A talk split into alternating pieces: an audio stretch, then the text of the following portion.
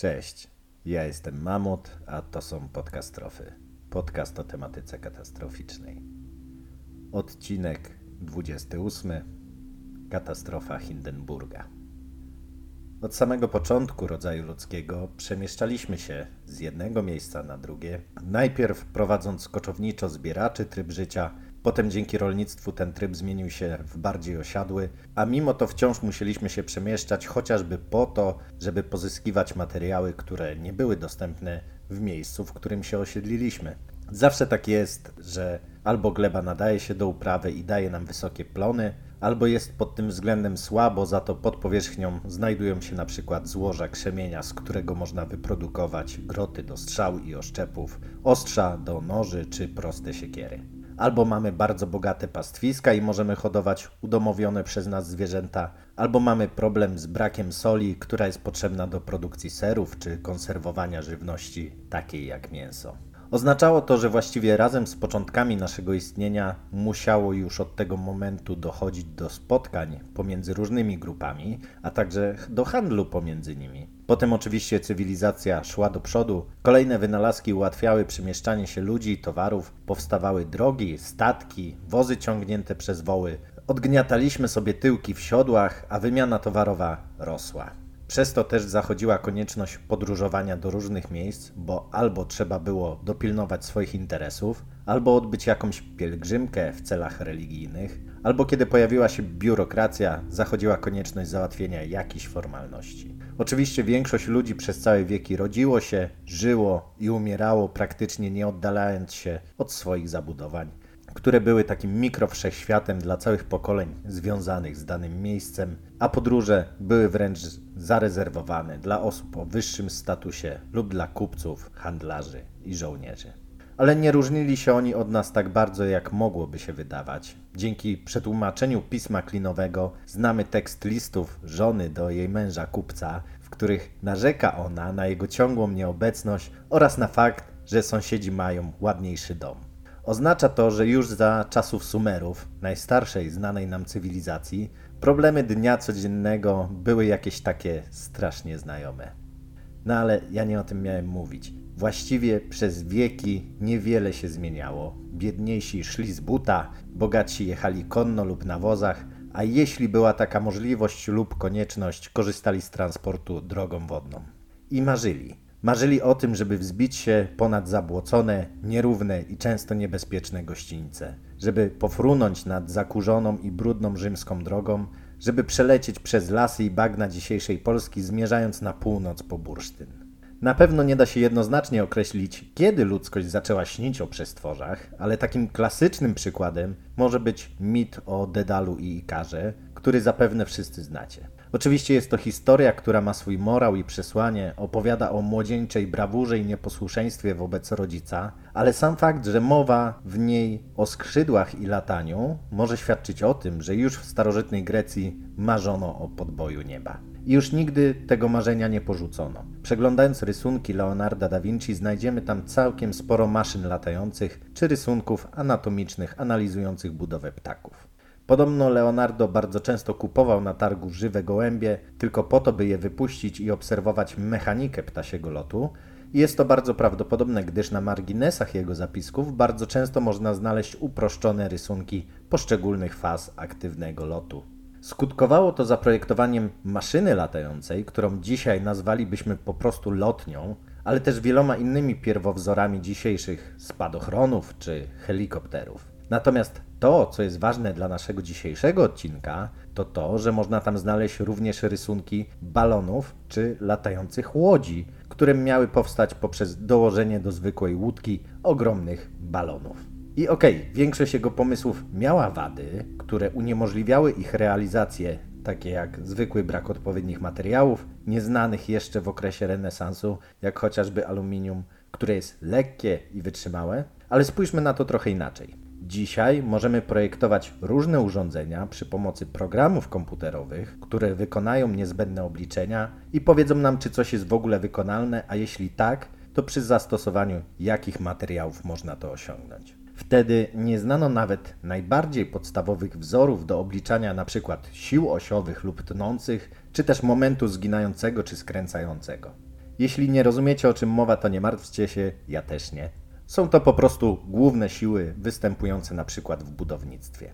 Więc teraz sobie wyobraźcie, że nie macie jak obliczyć tych sił, ale chcecie coś zbudować. Pozostaje Wam tylko eksperymentowanie i albo się uda i to zadziała, albo skończy się piękną katastrofą.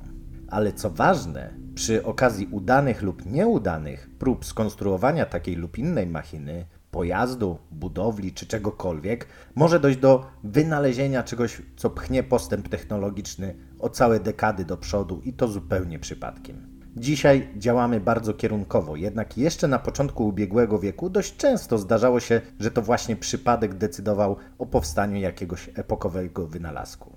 Nie wierzycie?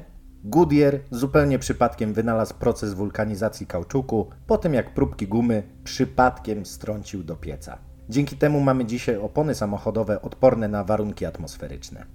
Spencer Silver opracował słaby klej. W sumie to żaden sukces, bo po co komu słaby klej do papieru. Ale za namową swojego znajomego posmarował nim tylko górny kawałek małej karteczki. Dzisiaj ciężko wyobrazić sobie studenta lub jakiekolwiek biuro bez samoprzylepnych fiszek. Zupełnie przypadkiem odkryto też promieniowanie rentgena, dzięki któremu możemy przeprowadzić bezinwazyjne badania, penicylinę, która okazała się skutecznym antybiotykiem, oraz wiagrę, która, y, która skutecznie potrafi przeciwdziałać chorobie wysokościowej. Dlatego, mimo że Da Vinci może nie zawsze miał okazję, żeby zrealizować swoje pomysły, to położył pewne podwaliny i był inspiracją dla wielu późniejszych wynalazców. Tego postępu nie dało się już zatrzymać.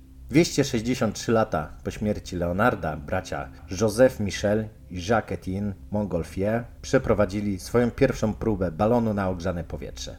Pomysł był generalnie bardzo prosty. Balon wykonany ze sklejonego papieru miał objętość około 18 m3. Umieszczono go nad paleniskiem w przydomowym ogródku, a kiedy był już wypełniony ogrzanym powietrzem, zwyczajnie go wypuszczono, no i poleciał. Osiągnął wysokość około 250 metrów, chociaż nie wiemy jak długo trwał lot, to udało się pokonać około 2 kilometrów. I tego dnia, 14 grudnia 1782 roku, rozpoczęła się oficjalna historia baloniarstwa. No, ale nie oszukujmy się, nie było to jakieś szczególnie epokowe wydarzenie. Po prostu dwóch gości puściło w powietrze trochę większy lampion. Dzisiaj tysiące ludzi robi dokładnie to samo, sklejając z papieru swoje lampiony, umieszczając w nich świeczkę lub podgrzewacz i wysyłając je w powietrze, zwłaszcza w Azji przy okazji święta latarni 15 dni po chińskim Nowym Roku. Więc dlaczego to było takie ważne? Bo panowie nie zatrzymali się na tym etapie. Pół roku później, 4 czerwca 1783 roku, wypuścili oni drugi balon. Nazywał się on Ad Astra, czyli do gwiazd i był znacznie większy od swojego poprzednika. Miał on niemal 12 metrów średnicy, a jego objętość wynosiła około 900 metrów sześciennych, co oznacza, że był 50-krotnie większy.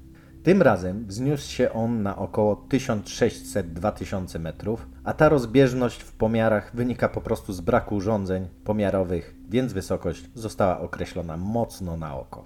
Niemniej jednak zupełnie bezpiecznie pokonał on w ciągu 9,5 minuty 2,5 km, po czym osiadł na łące.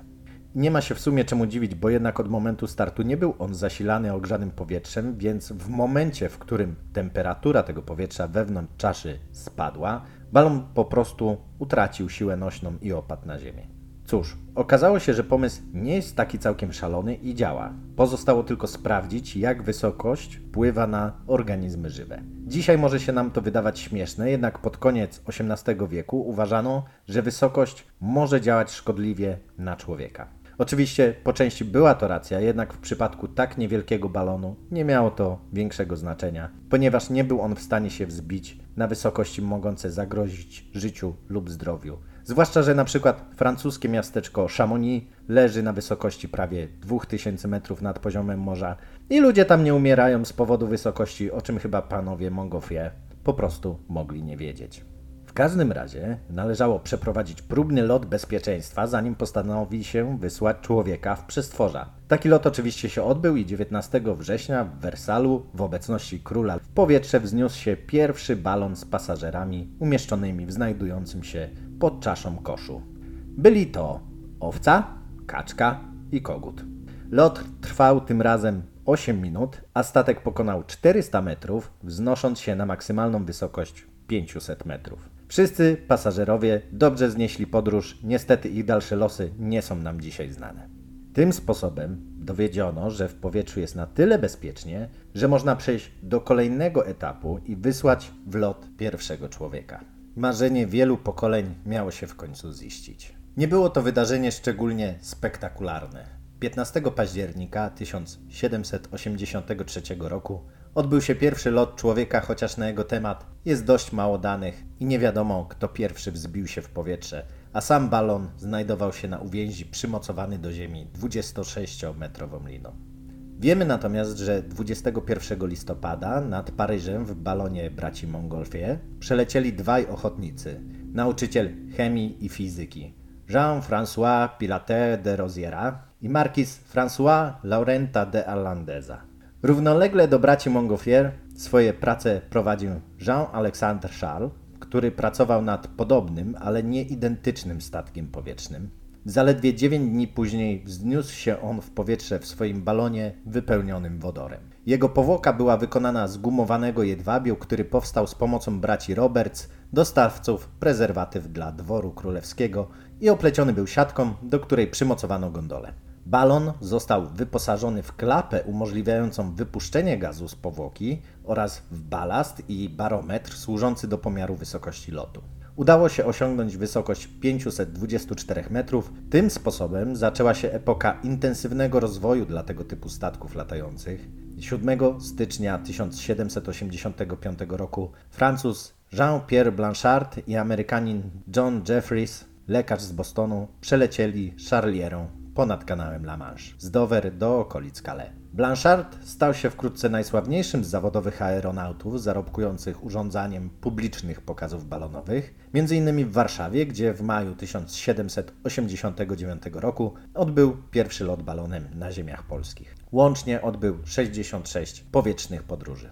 Ale nie będziemy się już dalej zagłębiać w rozwój baloniarstwa. To był tylko wstęp do kolejnego etapu rozwoju statków powietrznych, jakim były sterowce, i to im poświęcimy teraz swoją uwagę.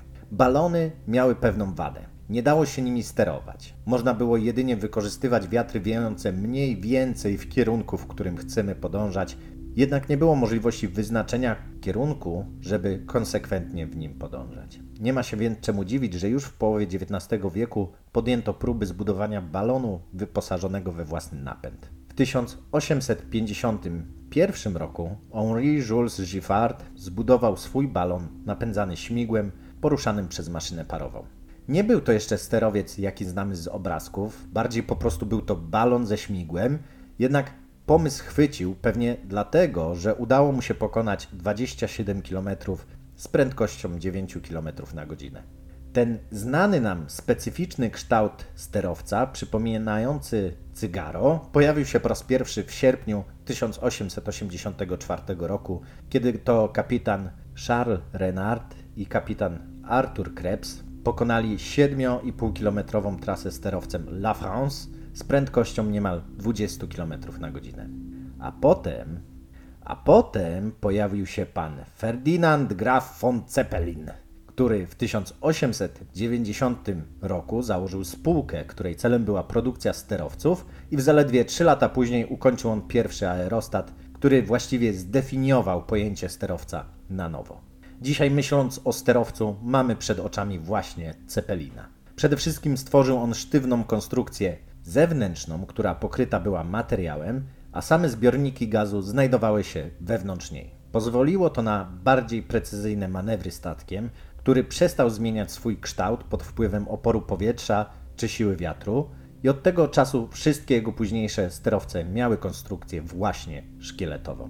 W 1900 roku w Frederikshavn nad Jeziorem Bodeńskim rozpoczęto pierwsze próbne loty dwusilnikowego sterowca liczącego około 15 metrów długości. Nie był to może olbrzym, ale zwiastował początek nowej epoki. Już wkrótce udało się odbyć 12-godzinny rejs nad Szwajcarią i Bawarią, a swoje uznanie wyrażał sam cesarz Wilhelm II Hohenzollern. To dało potężny zastrzyk energii i oczywiście gotówki spółce, która rozwijała się w błyskawicznym tempie. Po zaledwie 10 latach od pierwszych prób Cepeliny rozpoczęły pierwsze regularne połączenia pasażerskie, by w okresie od 1910 do 1914 roku pokonać dystans 160 tysięcy kilometrów bez ani jednego wypadku. Znaleziono też dla nich zastosowanie wojskowe i już od 1913 roku rozpoczęto dostawy pierwszych aerostatów dla cesarskiej armii. Jak pokazały doświadczenia Wielkiej Wojny, przez długi czas nie można było znaleźć sposobu, żeby zestrzelić sterowce operujące na wysokości nawet 7 km, kiedy maksymalna wysokość myśliwców wynosiła raptem 3,5 km. Dzięki temu załogi aerostatów zupełnie bezkarnie bombardowały ładunkami zapalającymi miasta takie jak Antwerpia, Lisz, Warszawa, Paryż, Londyn czy Neapol, a kapitanowie cepelinów brylowali w towarzystwie i byli bardzo pożądanymi gośćmi wszelkiego rodzaju wydarzeń towarzyskich. Dopiero w połowie wojny dzięki zastosowaniu nowego rodzaju amunicji karabinowej, a także wyraźnemu zwiększeniu możliwości technicznych myśliwców, udało się państwom Ententy nawiązać ze sterowcami walkę na równych zasadach. Chociaż z tymi równymi zasadami to tak nie do końca, bo nagle okazało się, że to sterowce utraciły swoją największą przewagę, jaką była wysokość operacyjna i od tej chwili stały się dość łatwym celem. Uznano więc, że nie ma już sensu stosować ich w walce i postanowiono o ich wycofaniu. Mogło się wydawać, że to koniec sterowców, że po zakończeniu wojny bardzo szybko zostaną zastąpione samolotami. Jednak okazało się, że ich najlepszy czas miał dopiero nadejść. Kilka słów o polskim romansie ze sterowcami, bo tak, mieliśmy swoje aerostaty. Pierwszy z nich nazywał się Lech i został zakupiony we Francji w 1921 roku. Pochodził z wojskowego demobilu, gdzie pełnił służbę patrolową, konwojową i jako wykrywacz okrętów podwodnych. Po przewiezieniu drogą morską do Gdańska został przeładowany na barki, przewieziony do Torunia i tutaj został zmontowany. Dlaczego w Toruniu? Muszę Wam coś opowiedzieć o moim mieście. To właśnie w Toruniu znajdował się szkolny batalion sterowcowy oficerskiej szkoły aeronautycznej, przemianowany następnie na pierwszy batalion sterowcowy. Znajdował się tutaj ogromny hangar, w którym można było bez problemu zmieścić sterowiec. Była to pozostałość po Prusakach. Dzisiaj jedyną pamiątką po tych czasach jest nazwa ulicy Balonowej, gdzie znajdowała się kiedyś ta jednostka. No ale co było z Lechem? Po siedmiu latach służby został zezłomowany. Mieliśmy jeszcze jeden tego typu statek, a trzeci miał zostać zaprojektowany i zbudowany w kraju, ale to już nie doszło do skutku. To tyle jeśli chodzi o sterowce drugiej RP. A co w tym czasie działo się w Niemczech? Budowano coraz większe statki, aż w końcu narodził się olbrzym o numerze LZ-129, ochrzczony imieniem Hindenburg. Powiedzmy sobie szczerze, że już na papierze robił wrażenie. Długość 245 metrów, czyli prawie 5 basenów olimpijskich. Trochę nie wiem do czego to porównać, bo nasze Pendolino zakupione przez PKP Intercity ma raptem 187,5 metra, więc jeszcze mu troszkę brakuje. Po prostu Cepelin miał ćwierć kilometra długości, a Pałac Kultury i Nauki ma 231 metrów wysokości, więc jest też odrobinę krótszy. Średnica tego statku wynosiła 41 metrów. W 16 zbiornikach znajdowało się 212 tysięcy metrów sześciennych wodoru. Więc znów porównajmy to do basenu olimpijskiego, który mieści zaledwie 3000 m3 wody. Wyposażony był w cztery silniki diesla o mocy 1200 koni mechanicznych każdy, a jego maksymalna prędkość wynosiła 135 km na godzinę. Pomyślcie sobie o tym, kiedy następnym razem będziecie jechać autostradą, gdzie dozwolona jest jazda z prędkością 140 km na godzinę i jest to raptem 5 km więcej niż rozwijał ten gigant. Załogę stanowiło 61 osób, a na swój pokład zabierał od 50 do 72 osób. Tylko mostek, z którego sterowano całym statkiem oraz silniki znajdowały się w gondolach, Cała reszta pomieszczeń, w tym jadalnia, kabiny pasażerskie i załogi, kuchnia oraz palarnia znajdowały się wewnątrz sterowca. Dzięki temu rozwiązaniu jego właściwości aerodynamiczne były znacznie lepsze niż gdyby wszystkie te pomieszczenia znajdowały się w gondolach poza obrysem tego legendarnego cygara. Nie stanowiło to jednak problemu, ponieważ w ścianach umieszczono okna, dzięki którym można było podczas posiłku napawać się widokami. A jak przebiegała jego służba. Loty próbne odbył w dniach 26-29 marca 1936 roku, przelatując praktycznie nad całymi Niemcami, po czym został przekazany do służby. Można powiedzieć, że przez cały rok 36 był bardzo zajęty. Przewiózł 2798 pasażerów oraz 160 ton ładunku i poczty. Pokonał Atlantyk 17 razy, bijąc rekord podróży w obie strony na trasie Niemcy, Stany Zjednoczone, Niemcy, pokonując ten dystans w czasie 5 dni, 19 godzin i 51 minut. Łącznie przeleciał ponad 306 tysięcy kilometrów. I dlaczego loty do Stanów cieszyły się tak dużą popularnością? Bo były szybkie. Pamiętacie dlaczego Titanic tak zasuwał przez Atlantyk? Ponieważ armator chciał pobić rekord na tej trasie i zdobyć błękitną wstęgę Atlantyku. W tym czasie było to 4 dni, 22 godziny i 33 minuty. 24 lata później, w czasach Hindenburga, rekord ten wynosił 4 doby bez 3 minut. Oznaczało to, że sterowiec jest sporo szybszy, skoro potrafi pokonać tę trasę w właściwie 2,5 dnia. Oczywiście to musiało kosztować. Przeliczając ceny na dzisiejsze pieniądze, to miejsce na statku w kabinie pierwszej klasy kosztowało 6 tysięcy złotych, w klasie drugiej 3 tysiące, a podróż Zeppelinem na trasie Frankfurt-Nowy Jork kosztowała 16 tysięcy złotych. Stać było na nią jedynie najbogatszych, a mimo to zainteresowanie było bardzo duże.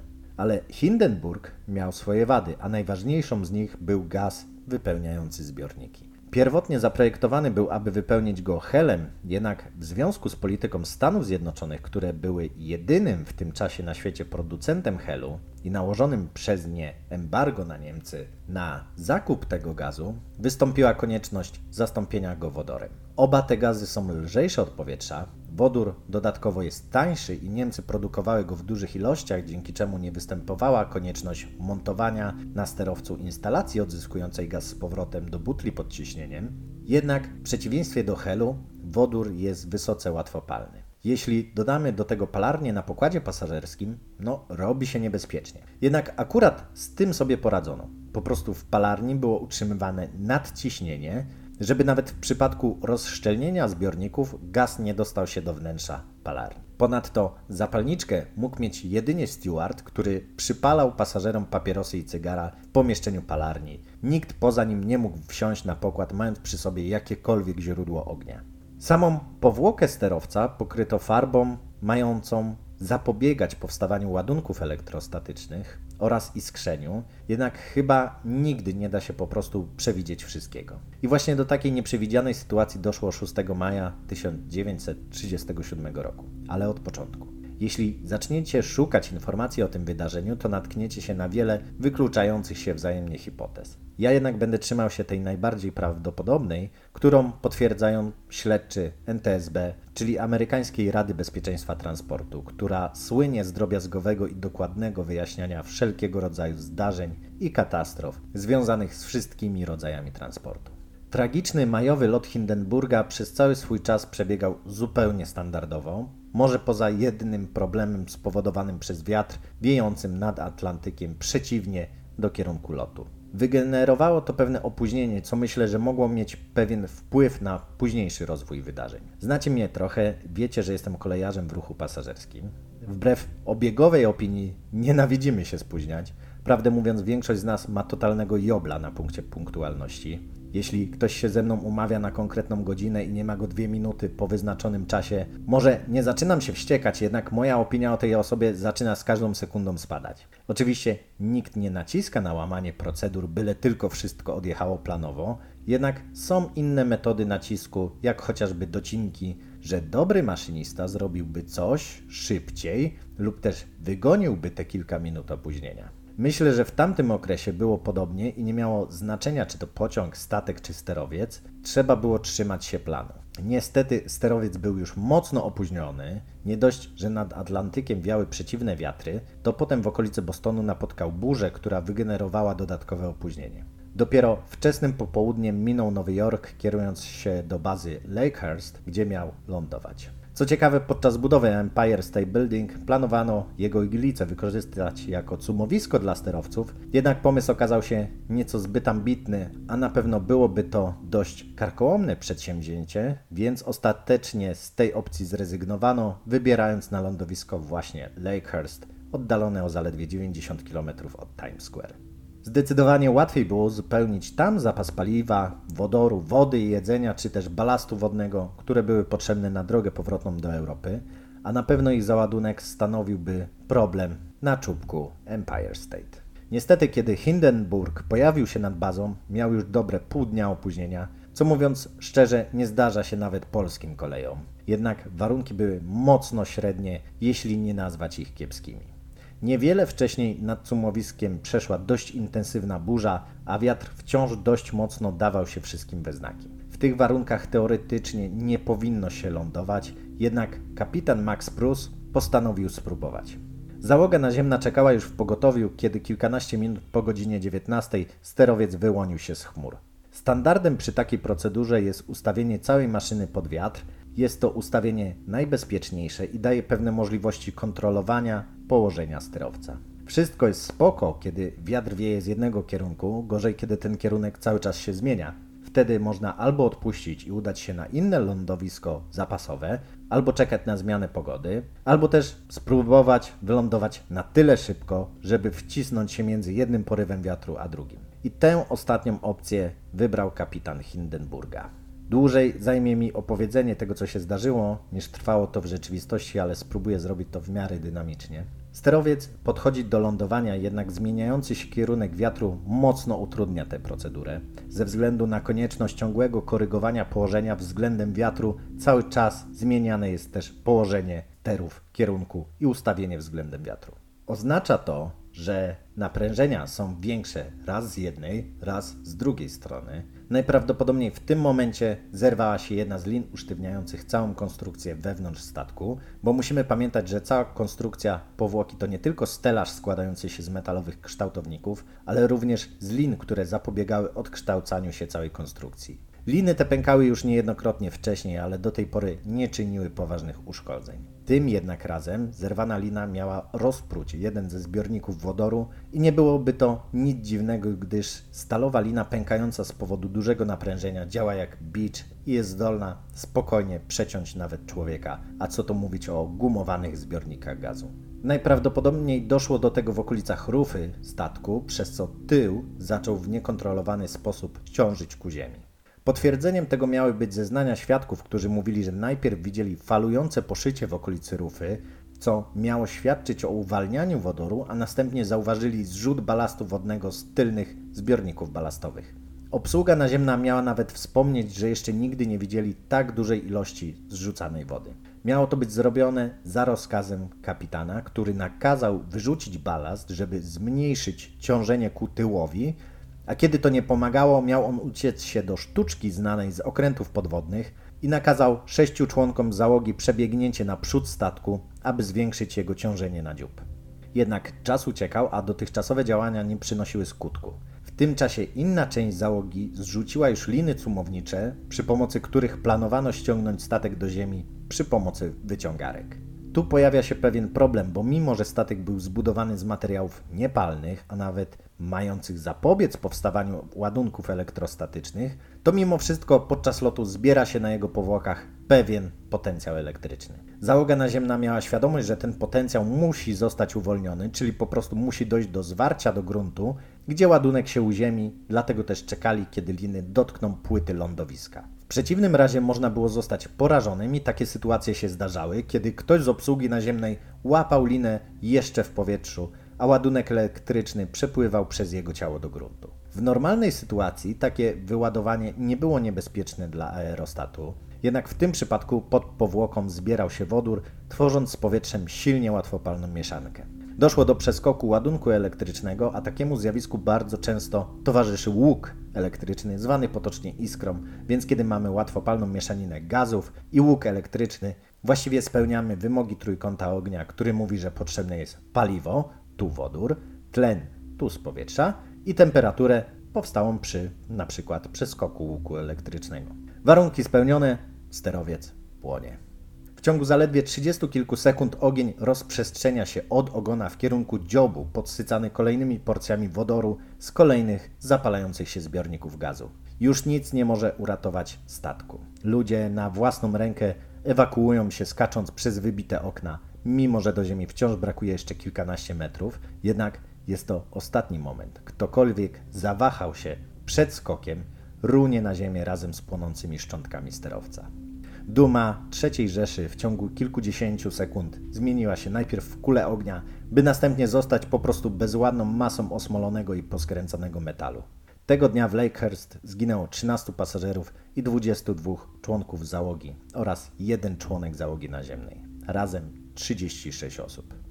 Był to definitywny koniec wykorzystania sterowców w ruchu pasażerskim i dzisiaj są one właściwie używane jako niewielkie statki badawcze, które zresztą są wypierane przez drony lub też chyba przede wszystkim jako nośniki reklam. Mimo, że co jakiś czas pojawiają się kolejne pomysły na ich wykorzystanie, to projekty takie zazwyczaj bardzo szybko padają z braku funduszy i zainteresowania. Myślę, że to wciąż echo tej katastrofy, podobnie jak po wydarzeniach w Three Mile Island, nigdy już nie zbudowano w Stanach reaktora atomowego. Statki, które po wypadku Hindenburga pozostawały jeszcze w służbie, zostały wkrótce uziemione i zezłomowane. Zarówno ich szkielety, jak i szkielet Hindenburga, który przewieziono do Niemiec, zostały w roku 1940 ponownie wykorzystane jako źródło metali niezbędnych do budowy nowych samolotów dla Luftwaffe. Tak skończyła się epoka Ceppelinów. Powinienem teraz powiedzieć o Facebooku, gdzie będzie na pewno film z katastrofy i Patronite, ale dzisiaj zakończymy sobie zupełnie inaczej. Na sam koniec postaram się dograć oryginalne nagranie stworzone przez Herba Morrisona dla chicagowskiego radia WLS prosto z miejsca katastrofy. Jego autentyczność była wielokrotnie poddawana wątpliwość, jednak ostatnie badania wykazały, że na cylindrach, na których dźwięk zapisywany był metalowym rysikiem, zachowały się ślady fali uderzeniowej powstałej w wyniku eksplozji kilku zbiorników z wodorem.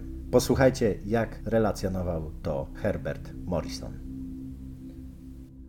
It's starting to rain again. It's, the rain had uh, slacked up a little bit. The back motors of the ship are just holding it uh, just enough to keep it from. It bursts into flames. Get it started. Get it started. It's fire and it's crashing. It's crashing terrible. Oh my! Get out of the way, please. It's burning, bursting into flames, and, and it's falling on the morning mast and all the folks between it. This is terrible. This is the one of the worst catastrophes in the world. Oh, it's, it's, it's, it's like twenty, oh, four or five hundred feet into the sky, and it, it's a terrific crash, ladies and gentlemen. The smoke and the flames now, and the flame is crashing to the ground, not quite to the mooring mast. All the humanity and all the furniture screaming around it. I you. I can't even talk to people. There's friends are out there. It's it's it's a. Oh, I I can't talk, ladies and gentlemen. Honest, it's just laying there, massive smoking wreckage, and everybody can't hardly breathe and talk and screaming. Lady, I, I'm sorry.